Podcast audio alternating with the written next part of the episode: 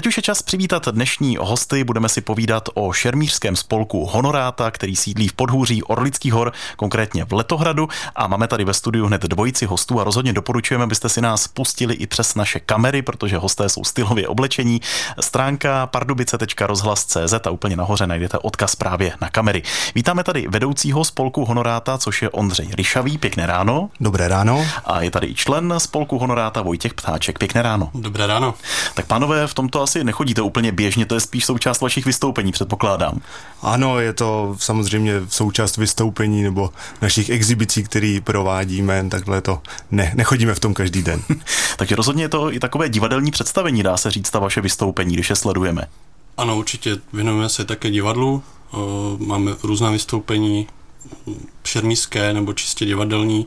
Letos dokonce připravujeme pro nás nový, větší, větší prvek divadelní, takže určitě je z naší stránky na co se těšit.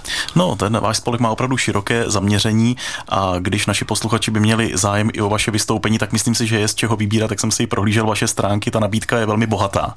Na našich stránkách samozřejmě všichni najdou uh, i kalendář, který máme naplánovaný na letošní rok, všechno aktualizujeme a akcí stále přibývá, takže po celé České republice se nás dá určitě najít. Uh, úplně teď aktuální před vámi je zítřejší akce, kterou bude Tříkrálový průvod, který pořádá spolupracujete se samozprávami, farnostmi a bubenickým spolkem Mortem. Je to už třetí ročník toho tříkrálového průvodu, který budeme moci potkat v Letohradu, tak klidně naše posluchače pozvěte i na ten zítřek. Tak určitě já se dovolím pozvat.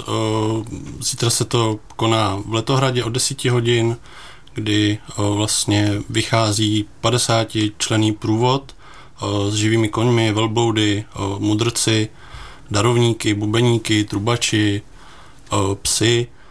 Je to opravdu veliký, začíná v 10 hodin v Orlovně v Letohradě a jde se přes Nový dvůr až na náměstí, kde, kde je vlastně Betlém, takže lidé s námi můžou projít cestu a zažít si vlastně tu dobu, tu cestu tří mudrců. Jsou tam vlastně tři stanoviště, na kterých jsou hrané scénky, muzická vystoupení, takže určitě je na co se těšit.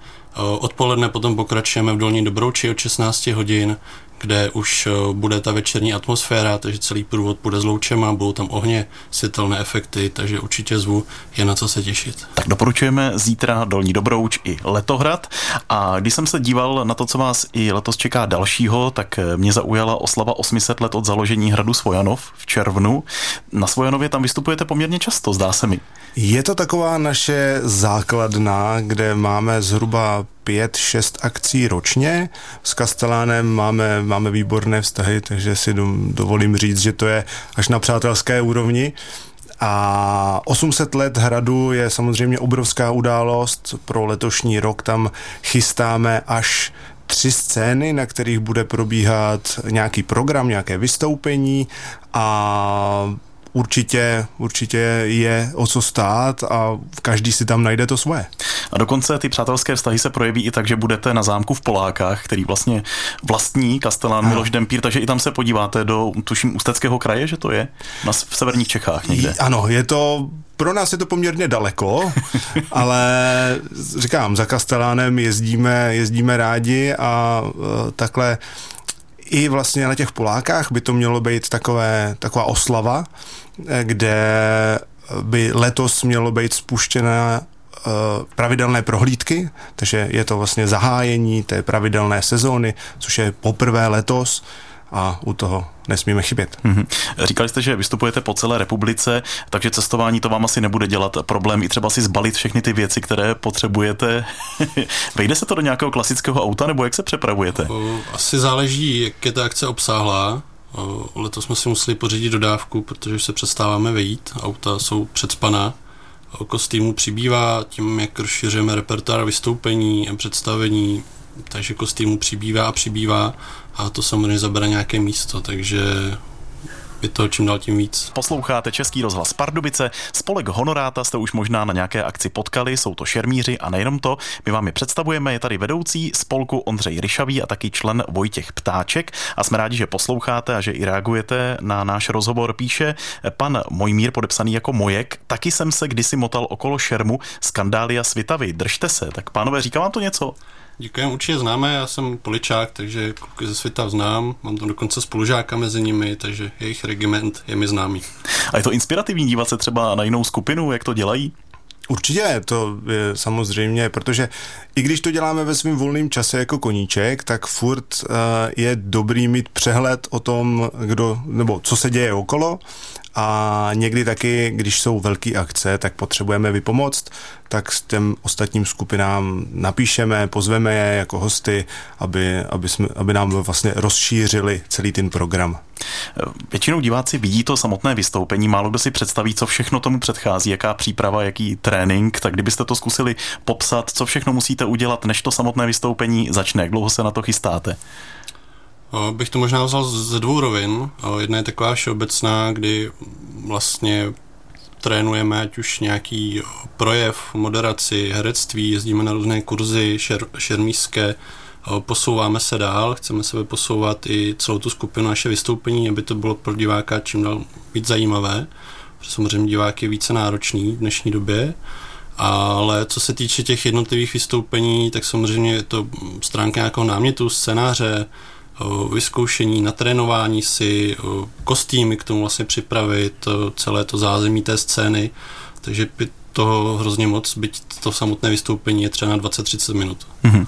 Musí to být rozhodně vizuálně atraktivní, i když se věnujete v podstatě tomu historickému šermu, tak to musí skutečně diváka zaujmout. Nestačí jenom vytáhnout meče, když to řeknu takhle obyčejně, ale je potřeba opravdu celý ten program nějak nachystat. Ano, ano, jsou vlastně různé programy, kde si nás uh, někdo může najmout na to, aby jsme pro ně připravili buď jedno vystoupení, nebo pak, co děláme nejčastěji, tak chystáme program na celý den nebo dokonce celý víkend a tam už je to eh, od vlastně nejrůznějších těch částí, který, který ten program obsahuje a většinu z nich dokážeme naštěstí obsáhnout sami. Mm-hmm.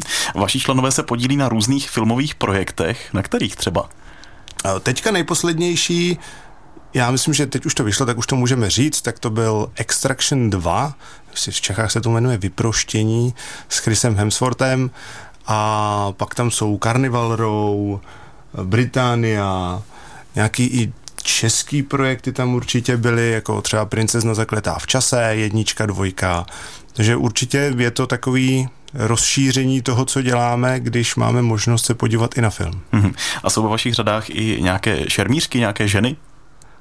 máme tam vlastně polovinu našeho, naší skupiny tvoří ženy. Aha.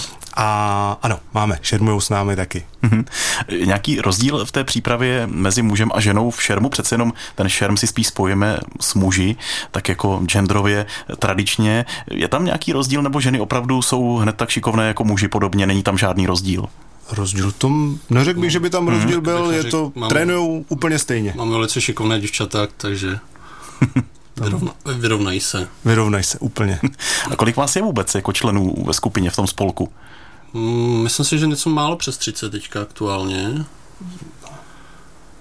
Se, se, všema, se všema, co se k nám jako přidružují i co nám jako vypomáhají, tak určitě přes 30. Standardní taková uh, velká základna, která, která jezdí pravidelně tak 25 hmm. asi. A může se někdo přidat, připojit se k vám?